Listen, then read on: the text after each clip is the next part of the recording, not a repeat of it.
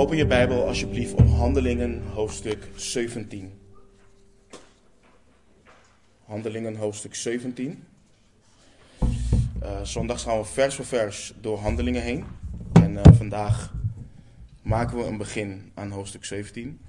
Ik zei net tegen die, uh, tegen die mannen, ik, ik, hoop elke keer wat sneller er doorheen te gaan, maar het wil gewoon maar niet lukken. Dus vandaag maken we hoofdstuk 17 wat dat betreft niet af.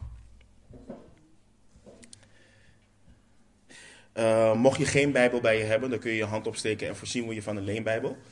En uh, als je helemaal geen Bijbel hebt, dan uh, mag je deze Bijbel houden als gift van, uh, van ons en gift van de Heer. Handelingen 17, en dan beginnen we vanaf vers 1. En dan lezen we dat Lucas schrijft onder leiding van de Heilige Geest. Um, en zij namen de weg door Amphipo, uh, Amphipolis um, en Apollonia en kwamen in Thessalonica, waar een synagoge van de Joden was. En Paulus ging naar zijn gewoonte bij hen naar binnen en drie sabbaten lang ging hij met hen in gesprek vanuit de schriften. Hij opende die en zette voor hen uiteen dat de Christus moest lijden en opstaan uit de doden en dat deze Jezus de Christus is die ik, zo zei hij, u verkondig. En sommigen van hen raakten overtuigd en sloten zich bij Paulus en Silas aan, en van de godvrezende Grieken een grote menigte, en van de vooraanstaande vrouwen niet weinigen.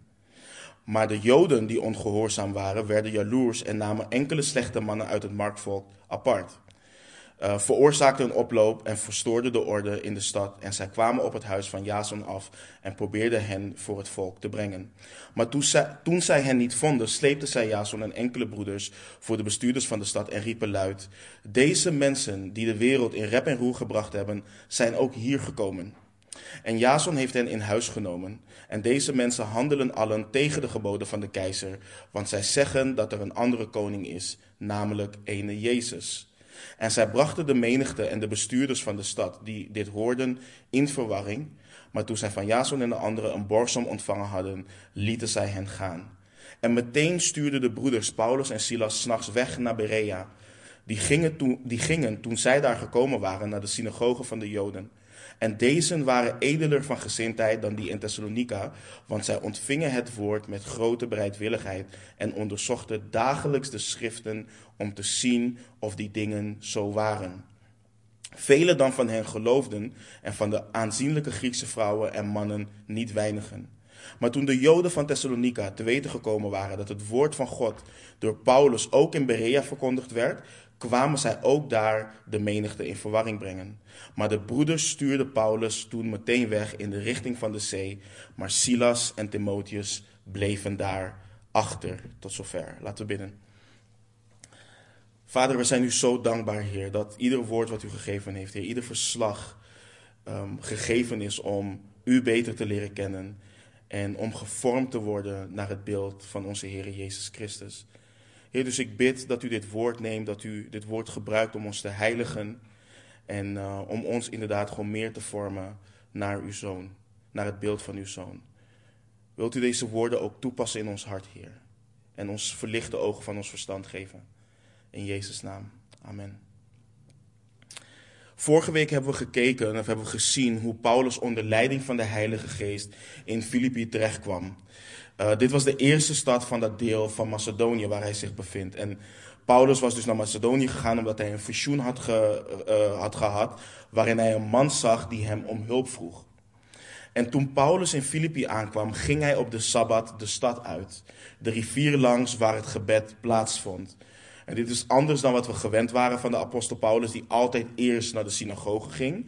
En op basis daarvan concludeerden we dat er er geen synagoge was daar in die stad. En toen Paulus bij de plaats van het gebed aankwam, onderwees hij enkele vrouwen die daar samengekomen waren om te bidden. Waaronder een vrouw genaamd Lydia uit Thyatira. En we zagen dat God haar hart opende, zodat zij acht sloeg op wat er door Paulus gesproken werd. Daar hebben we vorige week ook gekeken, of hebben we vorige week ook gezien, dat redding het soevereine werk van God is. En dat het niet gaat om de slimme strategieën die we hebben om mensen tot geloof uh, te overtuigen of manipuleren.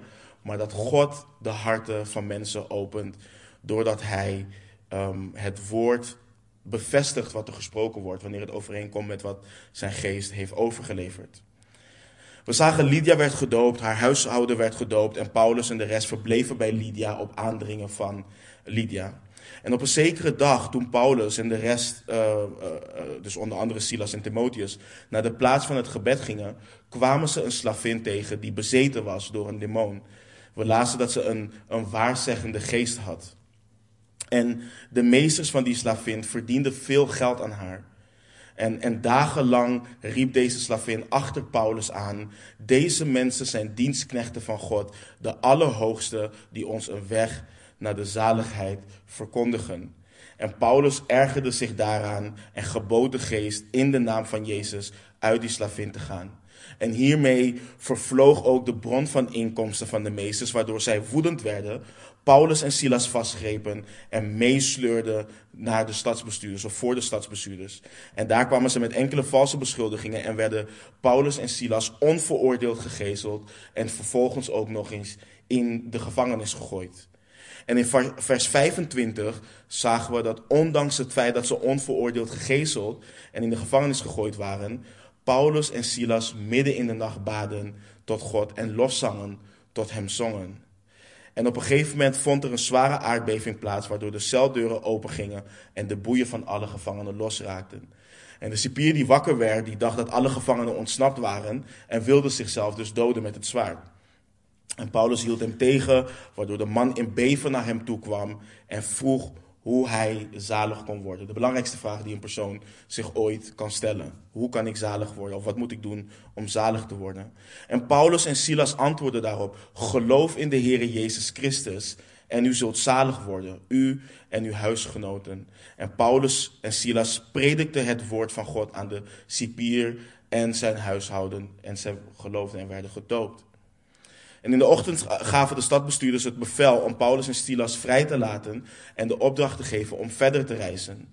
Maar na die publieke beschuldigingen en het feit dat hij als eh, Romein zo onveroordeeld gegezeld in de gevangenis is gegooid, moest dat rechtgezet worden. En dat gebeurde ook. En vervolgens ging Paulus naar Lydia en de broeders toe en bemoedigde hen en reisde verder.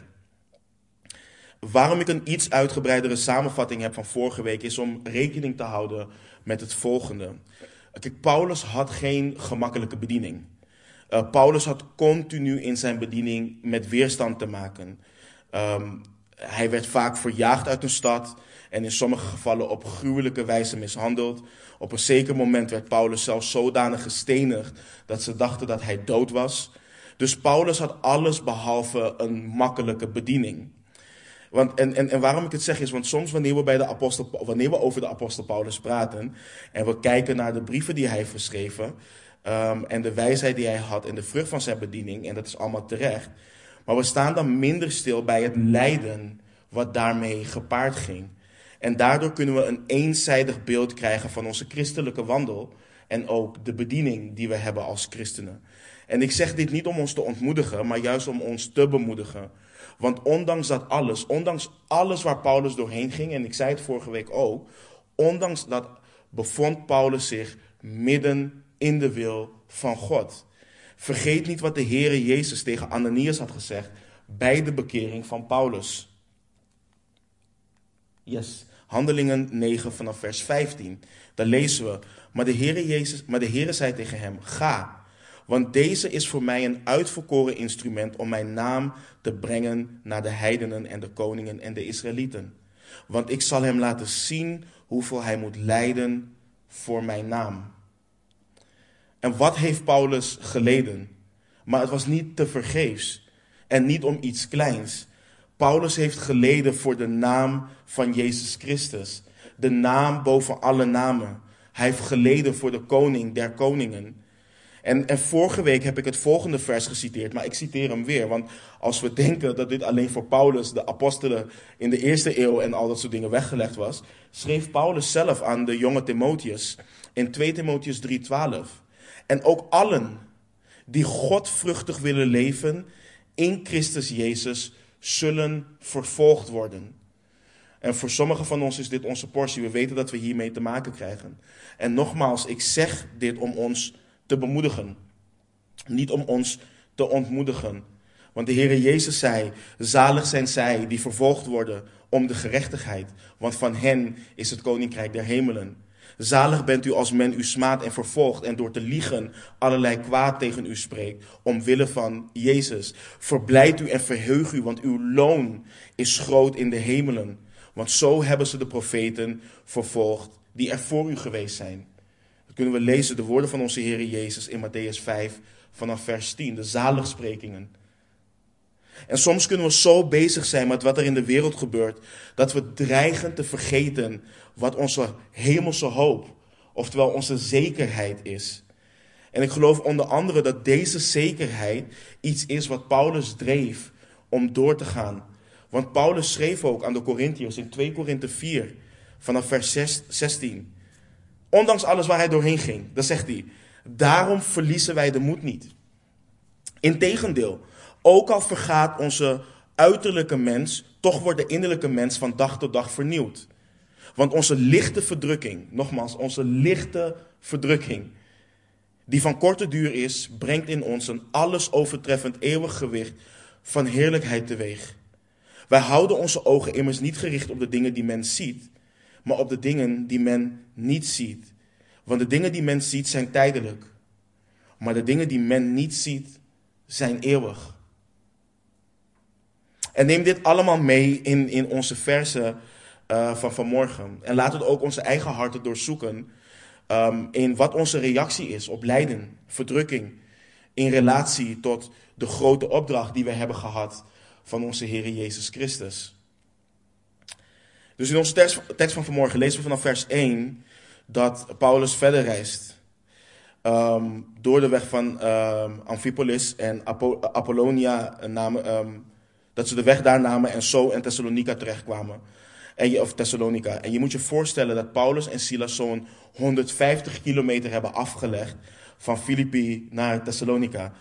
En we lezen niet dat Paulus trouwens in deze twee steden uh, het evangelie heeft verkondigd. Het lijkt erop dat de geest onze aandacht echt wil richten op de bediening van Paulus uh, in Thessalonica. Maar je moet je voorstellen dat ze zo'n 150 kilometer hebben afgelegd. Nadat ze een geweldige pak slaag hebben gehad, de gevangenis in zijn gegooid. En vastberaden zijn om waar ze terechtkomen, het evangelie trouw te blijven verkondigen. Dat is het hartsgesteldheid van Paulus. Dat was zijn hart voor de missie van onze Heer Jezus Christus. En um, de gemeente die in uh, Thessalonica is ontstaan, um, is dezelfde gemeente waarvan Paulus de rijke brieven 1 en 2 Thessalonicense aan heeft geschreven. Um, in 1 Thessalonicense 1 geeft Paulus ook aan hoe de Thessalonicensen de Heer Jezus zijn gaan navolgen te midden van veel verdrukking. En wanneer je deze brief ook leest, dan zie je dat dit een gemeente is wat met veel verdrukking en vervolging te maken had. Maar ondanks dat alles uh, was het een hele sterke gemeente. En de stad Thessalonica, ook wel Thessaloniki genoemd, leg, lag net op de kruising van twee grote Romeinse wegen. En dit kan ook een reden zijn waarom Paulus hier naartoe geleid is, zodat het evangelie vanuit deze stad verder de wereld in zou gaan. En de locatie van de stad en het gebruik als haven maakte het tot een prominente stad. En we lezen dat er een synagoge in de stad was, wat betekent dat er best wat Joden in die stad woonden. In ieder geval genoeg om een synagoge te hebben. En, in, en vanaf vers 2 lezen we hoe Paulus naar zijn gewoonte eerst naar de Joden ging. En we lezen dat hij drie sabbaten lang in de synagoge met hen in gesprek ging vanuit de schriften.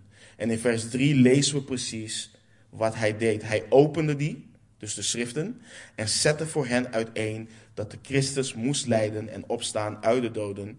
En dat deze Jezus de Christus is, die ik, zo zei hij, u verkondig.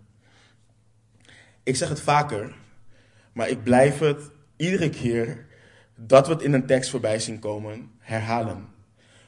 Paulus opende de oud-testamentische schriften om de Joden te laten zien wie de Christus is.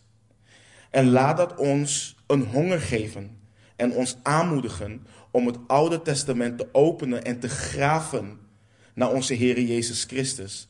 Want hij is niet een beetje te vinden in het Oude Testament. Het hele Oude Testament getuigt van hem. En, en, en laten we daarin kijken naar wat het betekent dat Paulus de schrift opende. Want soms kunnen we, doordat onze Nederlandse taal minder rijk is dan, dan het Grieks, uh, makkelijk over bepaalde zaken heen lezen.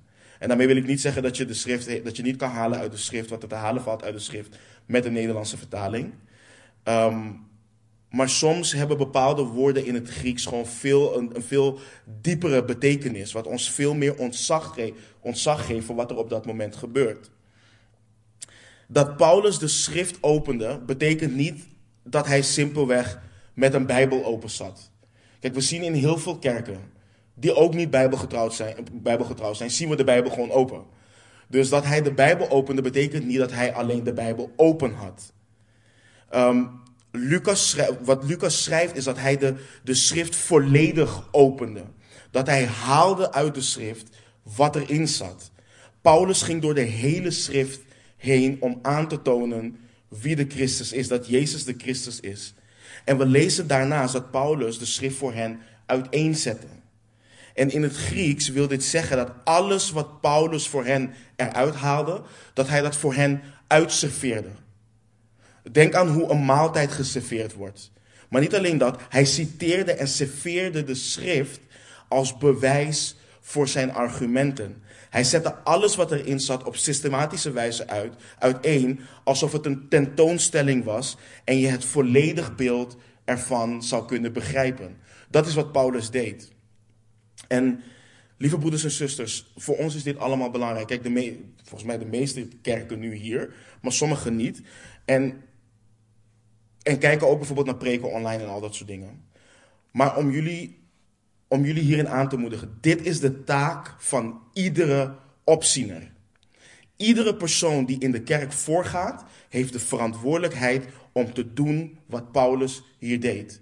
Iedere voorganger moet de verantwoordelijkheid voelen en navolgen om de schrift te openen en, en uiteen te zetten en de glorieuze waarheid van en over onze Almachtige God te serveren als de geestelijke voeding voor de mensen wat het is. Iedere persoon die dit niet doet, faalt in de bediening die hij heeft en is ongehoorzaam aan de Heer. Men hoort de gemeente niet te vermaken. Men hoort de gemeente niet op te peppen met motivatie te preken. Men hoort de schrift te openen en die uiteen te zetten. En of je dat vers voor vers doet, of thematisch predik, dat is een tweede. Maar ook al predik je het thematisch, heb je de verantwoordelijkheid om dat bijbels te doen. En dat is wat we door de schrift heen zien gebeuren. Dat is wat de schrift um, opdraagt. Paulus schreef aan de jonge Timotheus in 2 Timotheus 4 uh, vers 2. Predik het woord. Niet predik een beetje het woord of predik uit het woord. Predik het woord.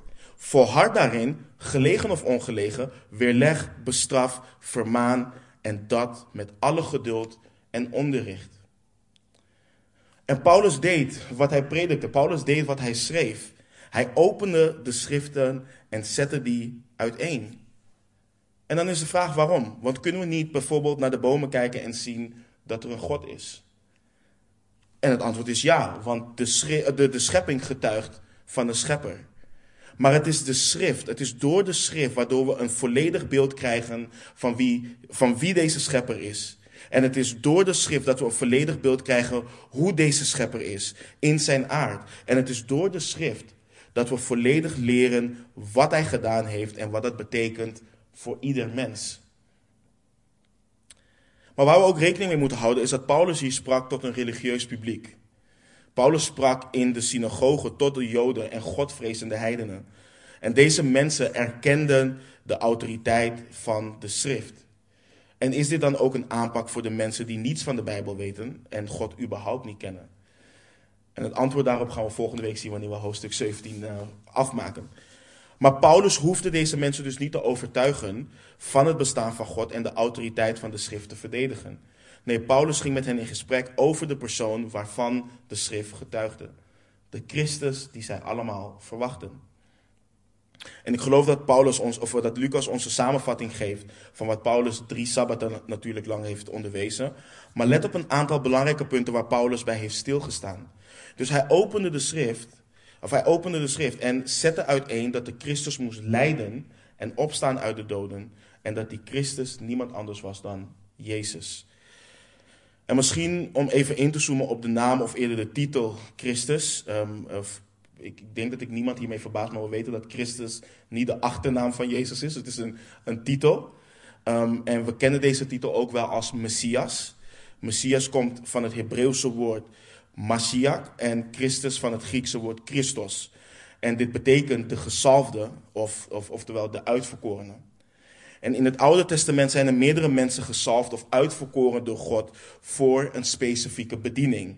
Denk aan bijvoorbeeld koning Saul of koning David, de profeet Elisa en, en, en veel meer. Maar in het Oude Testament is ook geprofiteerd over de gezalfde um, van God, de uitverkorene. Uitverkoren door God om door hem zowel Jood en Heiden met God te verzoenen. En Paulus laat weten dat Jezus die Christus is. En in vers 7 lezen we, over, uh, lezen we overigens dat Paulus ook predikte dat Jezus koning is. Wanneer we alle versen hebben behandeld, ga ik wat dieper in op enkele belangrijke punten wat Paulus uiteenzette. Um, maar vanaf vers 4 lezen we dat er enkele waren die overtuigd raakten van wat Paulus onderwees vanuit de schrift. En deze mensen sloten zich aan bij Paulus en, Silas. Dat betekent niet dat ze volgelingen van Paulus en Silas werden, maar dat ze net als Paulus en Silas eh, volgelingen van Jezus Christus werden. Ze werden als het ware door God aan Paulus en Silas gegeven als nieuwe kinderen in het geloof. En Lucas schrijft dat een grote menigte aan heidenen, dus God, godvrezende Grieken en vrouwen van aanzien in de stad, tot geloof kwamen. En dit wekte jaloezie op bij enkele Joden. En dit is altijd de reactie op het evangelie, of een mogelijke reactie op het evangelie. Dit zagen we ook in de bediening van onze Heer Jezus zelf. Uh, maar dat blijven we ook zien door handelingen heen, maar ook vandaag de dag. Sommigen nemen het evangelie aan, in en door Gods genade, en sommigen verwerpen het. En bij de Joden zien we vaker dat het met jaloezie te maken heeft. En je moet je voorstellen dat je een, een gastspreker ontvangt of krijgt. En dat God hem gebruikt om in die, uh, in die synagoge een opwekking in de harten van de mensen teweeg te brengen. En als je hart gevuld is met hoogmoed, dan zul je jaloers worden in plaats van God loven en prijzen voor het grote werk wat hij gedaan heeft. En dat is ook wat we hier zien gebeuren. Maar daar waar Paulus in Filippi te maken kreeg met antisemitisme, zijn het hier de Joden zelf die hem willen vervolgen. En ze gaan op zoek naar mannen die ze kunnen overtuigen en gebruiken die mannen op om, om, een oploop te veroorzaken in de stad. En ze, ver, ze verstoorden de orde in de, de stad. En, en, Paulus verbleef waarschijnlijk uh, bij Jason en, en, en de Joden wisten dit. Dus gingen ze naar zijn huis om hen daar te zoeken. Maar toen zij Paulus niet vonden um, bij Jason thuis, namen ze hem mee en enkele broeders en sleepten hen voor de stadbestuurders.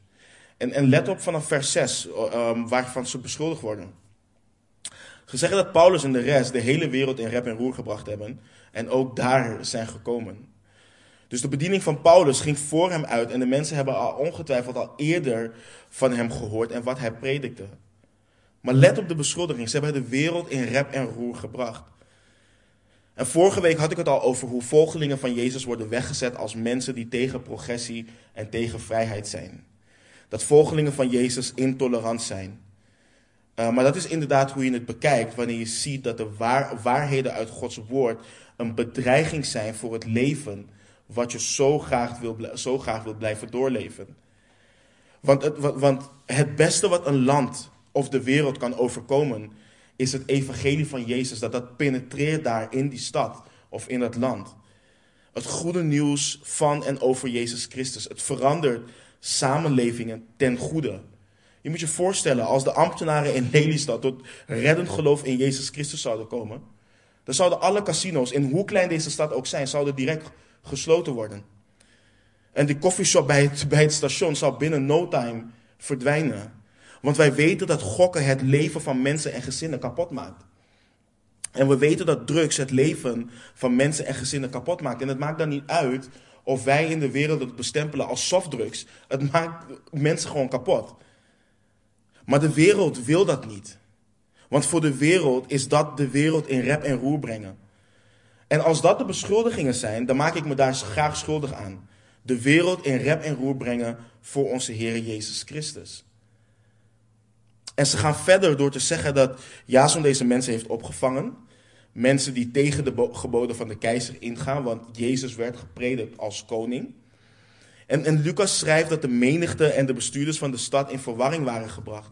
En ik geloof dat de bestuurders niet overtuigd waren, want als dat zo was, als er echt iemand was, of als er echt iemand werd gepredikt als koning en een bedreiging was voor Rome, dan waren ze hier heel anders mee omgegaan. Want ze zouden dan de opstanding van de Heer Jezus moeten erkennen om daar echt serieus op in te gaan. Maar dat deden ze natuurlijk niet. En Jason en anderen betaalden een borgsom en ze mochten weer verder gaan. En vanaf vers 10 lezen we dat de broeders Paulus en Silas wegstuurden in de nacht en dat zij reisden naar Berea. En dit was een reis van iets langer dan, dan 70 kilometer. En toen Paulus en Silas daar aankwamen, gingen ze direct naar de synagoge. En we lezen in vers 11 dat deze edeler van gezindheid waren dan die in uh, Thessalonica. En zij waren qua karakter dus ook anders dan zij die in Thessalonica waren. En we lezen waarom. Want zij ontvingen het woord met grote bereidwilligheid en onderzochten dagelijks de schriften om te zien of die dingen zo waren. En Paulus heeft ongetwijfeld op dezelfde wijze daar onderwezen als hij uh, in de vorige stad heeft gedaan. Maar hier zien we iets belangrijks. De mensen die in Berea waren, die waren als eerst bereidwillig om naar het woord te luisteren. Dus ze stonden ervoor open om naar te luisteren. Maar ze namen niet zomaar aan wat ze hoorden. Ze onderzochten dagelijks de schriften om te zien of die dingen zo waren. Dit is niet zo van, ik vind Paulus geen leuke prediker. Of ik vind het niet leuk wat Paulus vertelt. Of dit klinkt plausibel. Nee, zij onderzochten de schriften om te zien of de dingen die Paulus vertelde zo waren. En velen dan geloofden en van de aanzienlijke Griekse vrouwen en mannen niet weinigen. En op de een of andere manier waren de Joden in, in, in Thessalonica erachter gekomen dat Paulus ook in Berea het woord van God uh, verkondigd had. Dus maakten zij de reis van zo'n 72 kilometer om ook daar de menigte in verwarring te brengen. En weet je, het, het is al erg genoeg wanneer mensen het woord zelf niet willen ontvangen. Maar je ziet de verdorvenheid van mensen wanneer ze zo ver uit hun weg gaan om ook anderen te verhinderen om, Jezus, om, om, om tot Jezus te, te naderen. En dit is niet iets alleen wat, wat de Joden in onze tekst kenmerken. Dit, is een, uh, dit kenmerkt een groot gedeelte van de wereld vandaag de dag ook. Ouders die er alles aan doen om hun kinderen van het geloof te houden wanneer kinderen in contact komen met volgelingen van Jezus. Of grootouders of andere familieleden die hetzelfde doen. Hun haat voor God gaat zo ver dat ze er alles aan doen om de uitbreiding en de verspreiding van zijn evangelie te dwarsbomen. En dit gebeurde hier um, dus ook. En Paulus werd door de broeders weggestuurd richting de zee, dus waarschijnlijk de haven, zodat hij vanaf daar verder kon gaan naar Athene. En we zien dat Paulus, of dat Silas en Timotheus achterbleven, wellicht om de gemeente daar verder te sterken of om als afleiding te dienen. En ik wil de rest van de tijd gebruiken om naar een, paar belangrijke observaties en toepassingen voor ons anno 2021 te kijken. En er zijn een aantal, dingen die opvallen die we niet over het hoofd kunnen zien. Op één ben ik al in de context van een opziener uh, ingegaan. En dat is dat, dat Paulus de schrift opende. En het tweede is dat de mensen in Berea de schrift doorzochten. En het eerste wat ik net zei, wil ik, wil ik nu niet bekijken in relatie tot de opziener, maar in relatie tot iedere beleidende christen. Want we lazen in vers 2 dat Paulus met hen in gesprek ging vanuit de schriften. Als volgelingen van Jezus hebben wij één bron. We kunnen vanuit één bron maar in gesprek gaan met mensen en dat is vanuit de schrift, vanuit de Bijbel. En nogmaals, over de mensen die de Bijbel niet erkennen als autoriteit, dat gaan we volgende week zien. Maar het principe blijft hetzelfde. Ook al citeer je Paulus niet met 2 Timotheus 4:12 of wat dan ook. Wat je vertelt hoort altijd overeen te komen met wat er in de schrift staat. Niet de wachttorenblaadjes en al dat soort dingen. Nee, de Bijbel, de schrift. En ik hoor mensen wel eens zeggen, beleidende christenen, je hoeft het niet altijd over de Bijbel te hebben. Je hoeft niet altijd vanuit de Bijbel te, te spreken. En dat is simpelweg dwaasheid vanuit iemands hart. Want God heeft de schrift gegeven, opdat men door Jezus hem zou leren kennen. Niet door filosofie, niet door de Koran, niet door zelfhulpboeken of interessante quotes van wijsheden. De schrift is de bron van wijsheid voor het leven van de christen. En het is de schrift wat de kracht heeft om te boren door het hart van een ongelovige. Want de schrift verandert niet en het is gegeven door God zelf. En wanneer we gaan toevoegen aan de schrift, of wanneer we dingen gaan weglaten, dan gaan wij op de stoel van God zitten en verklaren we daarmee dat wat God gezegd heeft niet goed is. Dat het niet goed genoeg is. En daarna zeggen we, um, we beleiden daarmee dus wel met onze lippen dat we geloven dat de Bijbel Gods woord is. En dat het, de kracht, en dat het krachtig is dan, krachtiger dan, een, uh, dan twee, uh, enig tweesnijdend zwaard. Maar in ons handelen verlogenen we de kracht van Gods woord. Paulus schreef in Colossense 3:16: Laat het woord van Christus in rijke mate in u wonen. En dat is ook wat we hieruit halen. We kunnen, we kunnen Jezus Christus alleen bijbels uitleggen als we weten wat de Bijbel over hem zegt. Elk ander beeld wat we creëren en verkondigen van hem is een Jezus die niet redden kan. En Paulus laat ons in zijn handelen zien hoe essentieel het is om de schrift te kennen. En het is niet onze kennis wat mensen tot bekering brengt. Maar God zet wel zijn stempel op zijn eigen woorden en niet op de wijsheid van mensen. Ik hoor zo vaak, weet je, niet, niet alleen over mij, over meerdere mensen in de gemeente. Bijvoorbeeld, ik kan niet met Giovanni in gesprek gaan. Hij heeft het elke keer over de Bijbel. Dit is dus wat ik hoor van beleidende mensen. Van, beleid, van mensen die beleiden in Jezus Christus te geloven.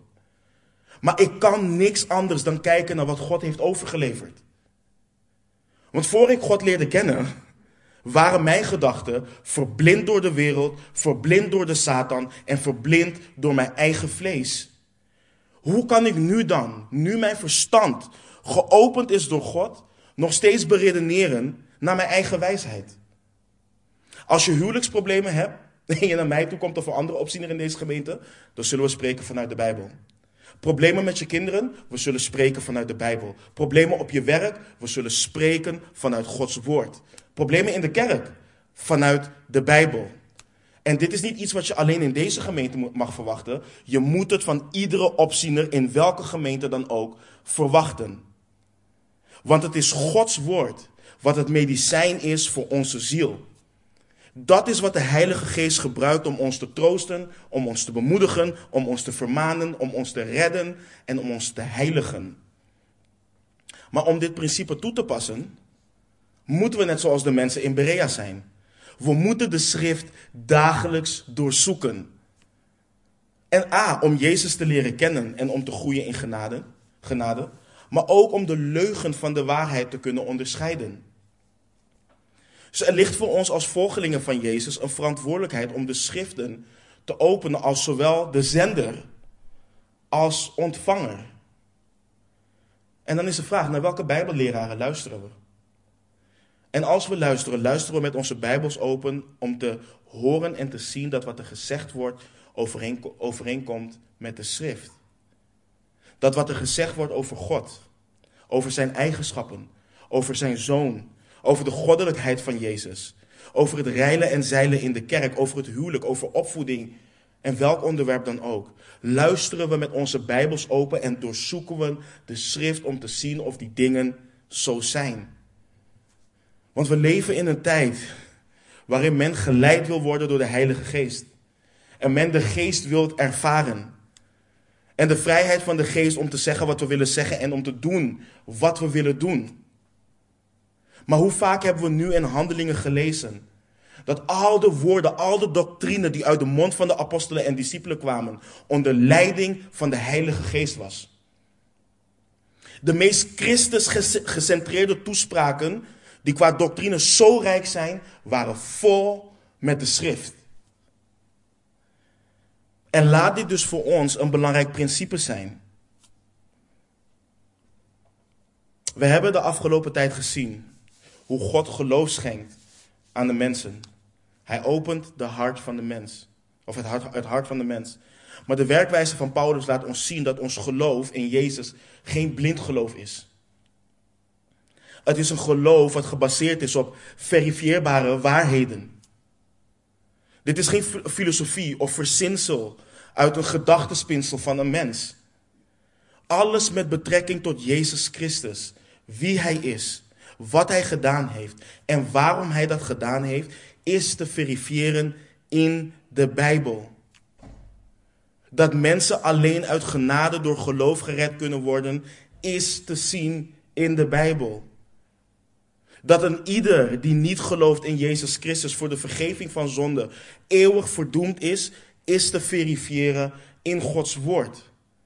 Dat Jezus de Zoon van God is, is te verifiëren in de Bijbel. Dat Jezus God de Zoon is, is weer te verifiëren in de Bijbel.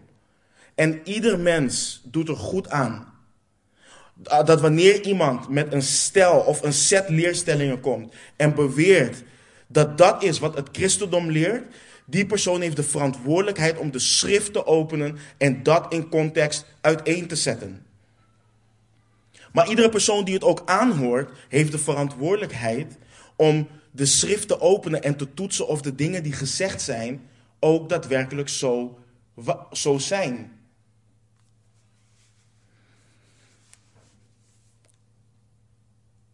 En wat ik prachtig vind aan de apostel Paulus.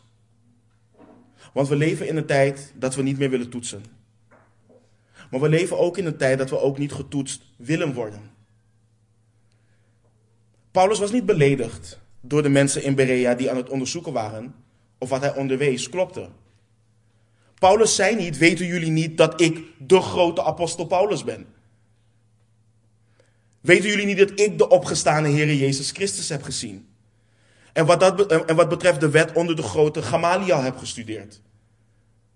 Nee, het was een goed ding dat zij de schriften doorzochten. Want Paulus wilde nooit dat het geloof van mensen zou bestaan uit menselijke wijsheid, maar in kracht van God. En dat schreef hij ook in het tweede hoofdstuk van zijn eerste brief aan de Corinthiërs. En tegenwoordig hebben we een trend, een movement binnen bepaalde gemeenten waar ze zeggen: Je zult de gezalfde van God niet betwijfelen. Je zult de gezalfde van God niet aanraken. Dat is volledig uit context. Iedereen moet beproefd kunnen worden. Iedereen. En het is daarom dus, door, door de toetsen, dat je zeker weet. Wie is de Jezus Christus die gepredikt wordt? Komt wat ik hoor overeen met wat de Bijbel zegt? En in, in, in, in relatie daarmee wil ik dus kijken naar wat Paulus drie sabbaten lang heeft gedaan en ook in Berea heeft gedaan. Wat heeft, wat heeft Paulus gepredikt vanuit de, schrift, uh, vanuit de schriften? En laat het voor ons dienen als voordeel, uh, voorbeeld om ons aan te vuren, Christus te leren kennen en kenbaar te maken, zoals we dat in de schrift zien. Dus wat predikte Paulus? Paulus predikte dat de, dat de Christus moest lijden. Maar een vraag die we onszelf kunnen stellen is: waarom moest Paulus een nadruk leggen op het feit dat de Christus moest lijden en opstaan uit de doden? En, en, en het antwoord is als volgt: kijk, de Joodse rabbies van die tijd, en vandaag de dag ook uh, nog steeds, worstelen met het idee en konden niet rijmen dat de Christus moest lijden, zoals er bijvoorbeeld in Jesaja 53 is geschreven. En dat hij voor eeuwig daarnaast ook zou regeren, zoals er bijvoorbeeld in Daniel 7, 13 en 14 staat. Het was ondenkbaar dat de Christus die zijn volk zou komen verlossen, zelf zou lijden en gedood zou worden door zijn vijanden. En in sommige kringen ontstond daardoor het idee dat de Christus niet één, maar twee individuen was.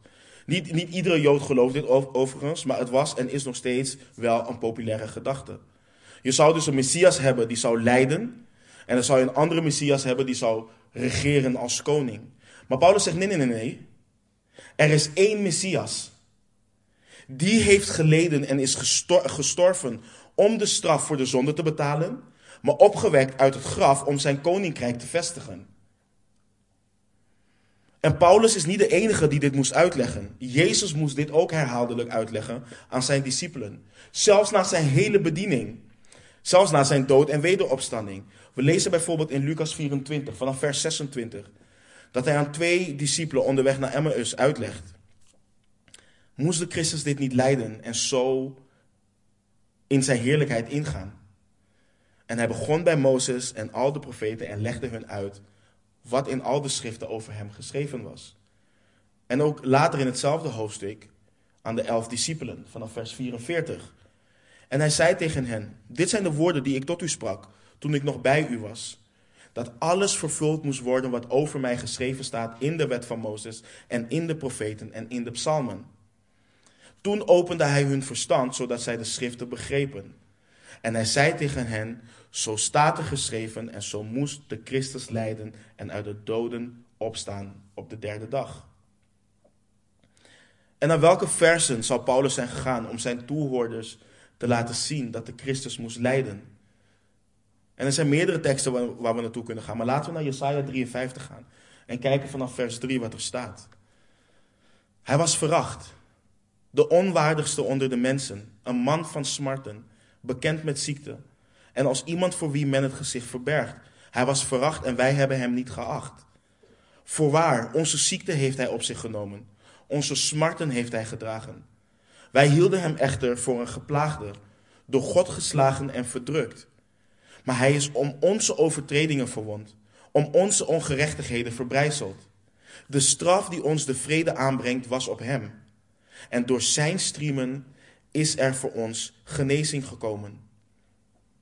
Of in hetzelfde hoofdstuk, vanaf vers 7 en vers 8, toen betaling geëist werd, werd hij verdrukt maar hij deed zijn mond niet open. Als een lam werd hij ter slachting geleid. Als een schaap dat stom is voor zijn scheerders, zo deed hij zijn mond niet open. Hij is uit de angst en uit het gericht weggenomen. En wie zal zijn leeftijd uitspreken?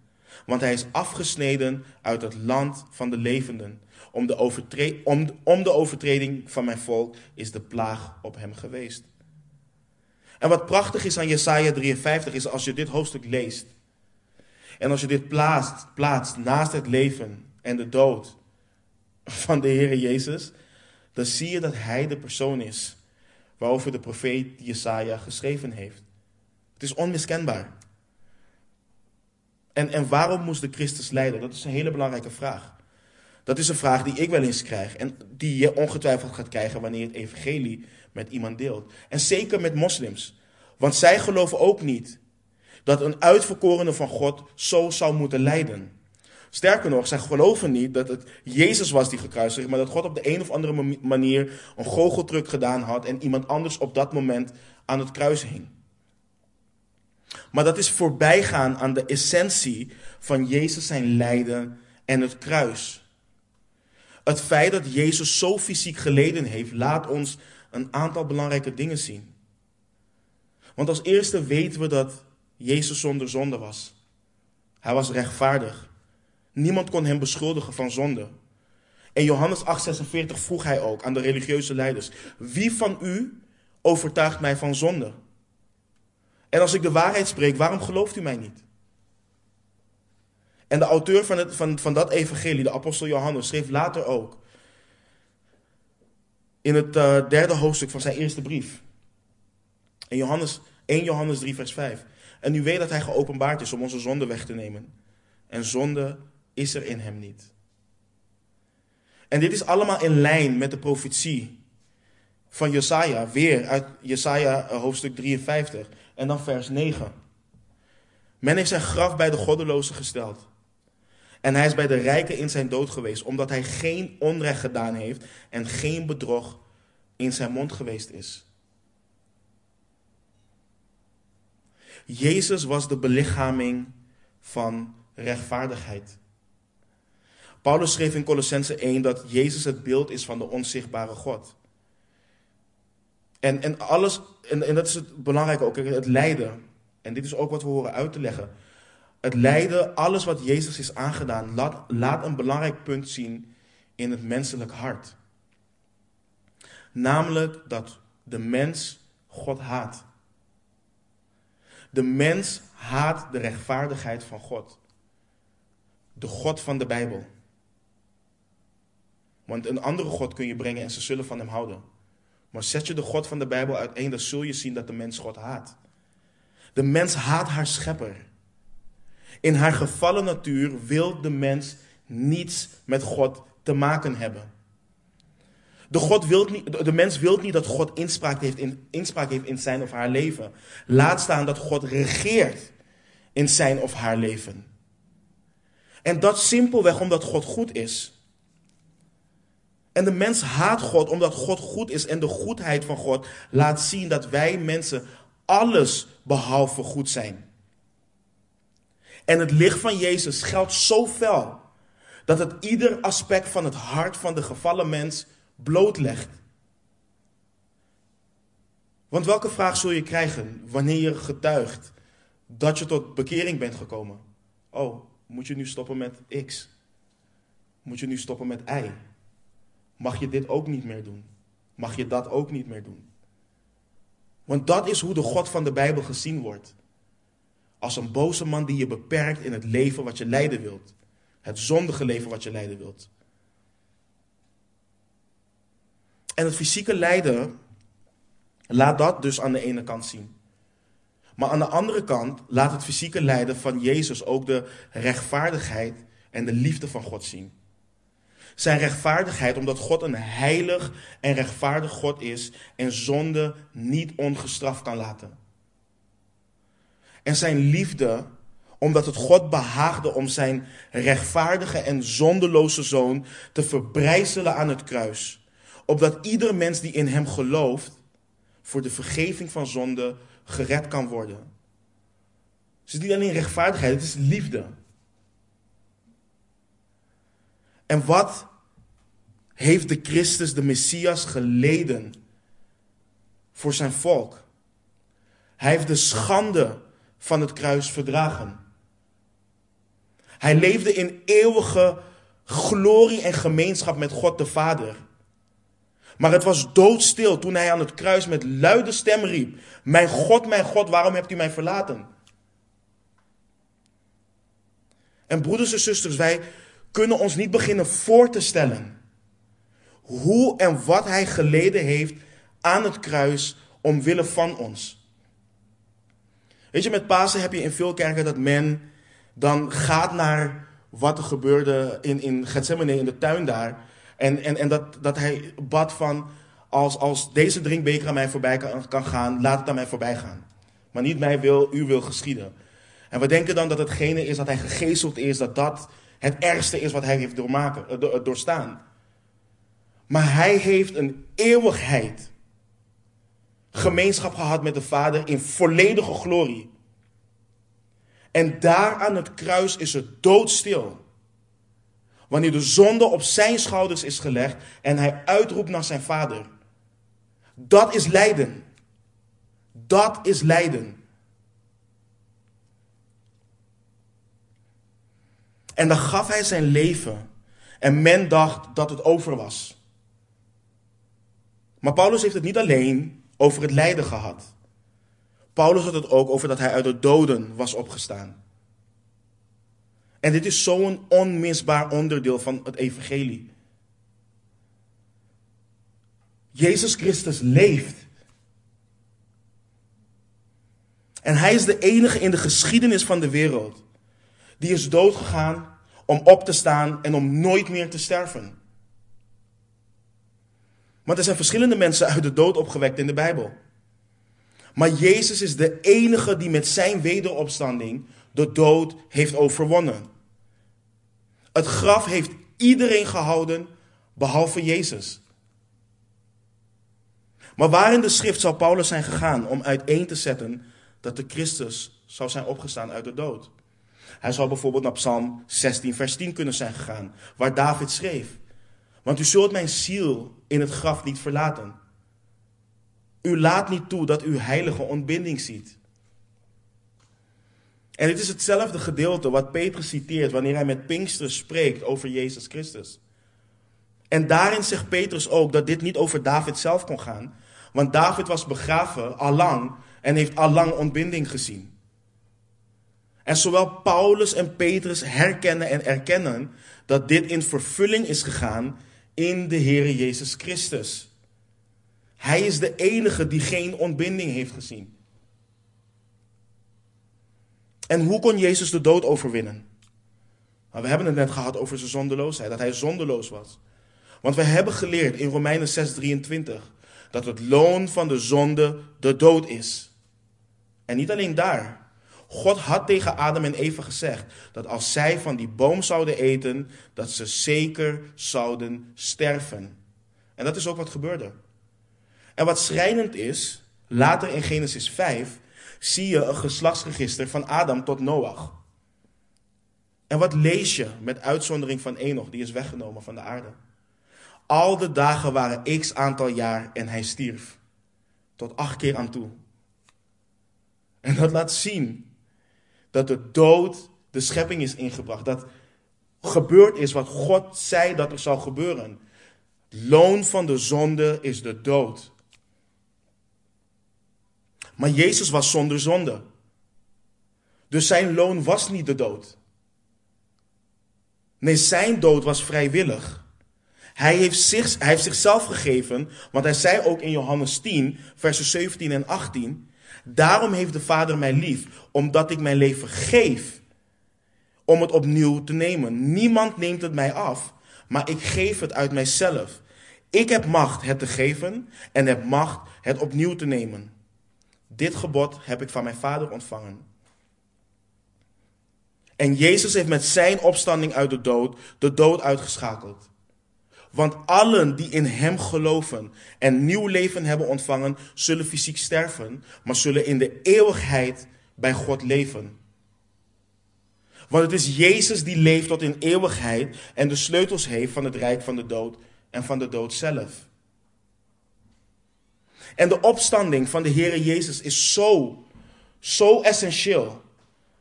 Zo essentieel dat Paulus zo ver gaat door te schrijven aan de Corinthiërs in 1 Korinthe 15, vers 17. Dan schrijft Paulus het volgende. En dit is zo belangrijk. En als Christus niet is opgewekt, is uw geloof zinloos. U bent dan nog in uw zonde. Nog een keer. Als Christus niet is opgewekt, is uw geloof zinloos. U bent dan nog in uw zonden. Dit laat zien hoe onmisbaar de opstanding van Jezus Christus uit de dood is. En dit laat dus zien waarom het zo belangrijk is dat zij de schrift doorzochten. En een persoon heeft geen hoop op vergeving en verlossing van zonden zonder te geloven in het leven, de dood en de wederopstanding van Jezus Christus. Zonder de wederopstanding van Jezus Christus is slechts een goede man gestorven. Zonder de wederopstanding van Jezus Christus is slechts werelds gezien een wijze man gestorven. Maar het is door de wederopstanding waarin we de bevestiging zien van God op het volmaakte offer van Jezus Christus voor de vergeving van zonden. En laat het aan alle bekend zijn dat er maar één Jezus is. Laat het aan alle bekend zijn dat er maar één weg is. Laat het aan alle bekend zijn dat Jezus Christus, zoals geopenbaard in de schriften, de weg, de waarheid en het leven is. En dat zonder Hem niemand tot de Vader komt. Zonder Hem zal een persoon op de laatste dag worden opgewekt, maar niet tot eeuwig leven, maar tot eeuwige verdoemenis. Maar gelooft een persoon in Hem voor de vergeving van zonde? Keert een mens zich van zijn of haar oude leven en bekeert hij of zij zich tot de enige die je redden kan, dan zal je schoongewassen worden met het kostbare bloed van het lam en verzoend worden met de Almachtige God. En, en broeders en zusters, misschien kom ik sterk over, misschien kom ik intens over, maar ik heb een enorme verlangen om mensen te zien komen tot reddend geloof en een diep geworteld geloof in de Messias van de Schriften. Want alleen Hij kan redden. En we doen er goed aan om onze harten te toetsen door te onderzoeken en vragen: geloof ik dit wat er staat in de schrift en geloof ik ook in de kracht daarvan. Want als ik het geloof, dan maakt, het, dan maakt de vervolging, de smaad, de laster die erop volgt, helemaal niets uit. Maar als ik het niet geloof, als ik niet geloof dat dit de kracht van God is tot zaligheid voor een ieder die gelooft, dan zal ik eraan gaan toevoegen of het juist gaan afbreken. En dan zal ik me gaan richten op eigen tactieken om een Jezus te brengen die niet redden kan. En ik herhaal, er is maar één Jezus waarmee je de wereld in rep en roer kan brengen. En dat is het woord die in het begin was. Het woord die bij God was. Het woord dat God was. Het woord dat vlees geworden is. De enige geboren zoon. Het lam van God. De zoon van God. Het brood des levens. Het licht van de wereld. De deur. De goede herder. De opstanding en het leven. De weg, de waarheid en het leven. De ware wijnstok. En mensen zullen sterven in hun zonde als ze niet geloven dat Hij het is. De Jezus Christus als geopenbaard in de schriften en uiteengezet door zijn volgelingen.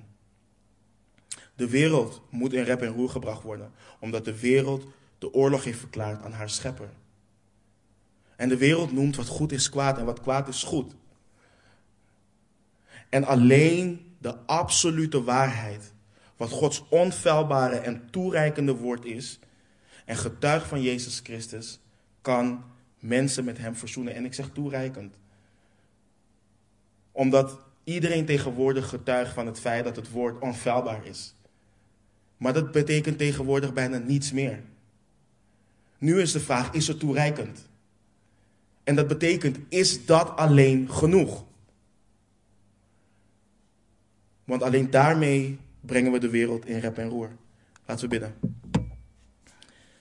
Hemelse Vader, we zijn u zo dankbaar, Heer. We zijn u zo dankbaar dat u ons niet heeft achtergelaten in onze hopeloze staat, Heer. En dat u in Genesis 3:15 daar al hebt verkondigd, Heer, dat u dit allemaal zou oplossen. Dat u de vijand zou verslaan. Dat u de zonde zou verslaan, Heer. En dat u de dood zou overwinnen. En wat een prachtig beeld heeft u geschetst, Heer, door het hele Oude Testament heen. Van onze Christus, van onze Messias, van onze koning. En wij danken u dat Hij geopenbaard is. En Heer, dat we u kunnen leren kennen, zoals u gekend wilt en kan worden, Heer. En Heer, u bad tot de Vader. Dit is het eeuwig leven, dat mensen u, God, kennen. En dat is mijn verlangen voor een ieder die nu hier zit. En voor een ieder die meekijkt en meeluistert of terug zal luisteren. Heer, dat u ons leven volledig op zijn kop zal zetten, Heer. Maar dat u ons ook de vrijmoedigheid, de vreugde, de kracht geeft om de wereld in rep en roer te brengen voor u, Heer. Heer, van onszelf zijn we zwak, bang, onzeker en noem maar op. Van onszelf zijn we hoogmoedig en denken wij dat wij mensen kunnen bekeren. Maar alleen u kunt het hart van mensen openen. Alleen u kunt de wereld in rep en roer brengen. En ik bid dat u ons daarvoor gebruikt. Ik bid dat wij onszelf ook beschikbaar stellen, Heer. Dat we onszelf geven aan u. Dat we onze levens wijden aan u als een levend offer. En dat u ons zult gebruiken voor uw eer en voor uw glorie. Heer, te beginnen in ons eigen huizen. Voor de mensen die getrouwd zijn met hun partners. En voor hun kinderen en hun kleinkinderen en ooms en tantes en neven en nichten en ouders, Heer. En geef ons de vrijmoedigheid om, om, om uit te reiken naar onze buren en onze collega's. En help ons om te roemen, Heer. In de momenten dat we gesmaad, gelasterd, veracht worden, Heer, omwille van U. Heer, we houden van U, we loven U, we danken U. We prijzen uw grote naam en bidden al deze dingen in de machtige naam van onze Heer Jezus Christus. Amen.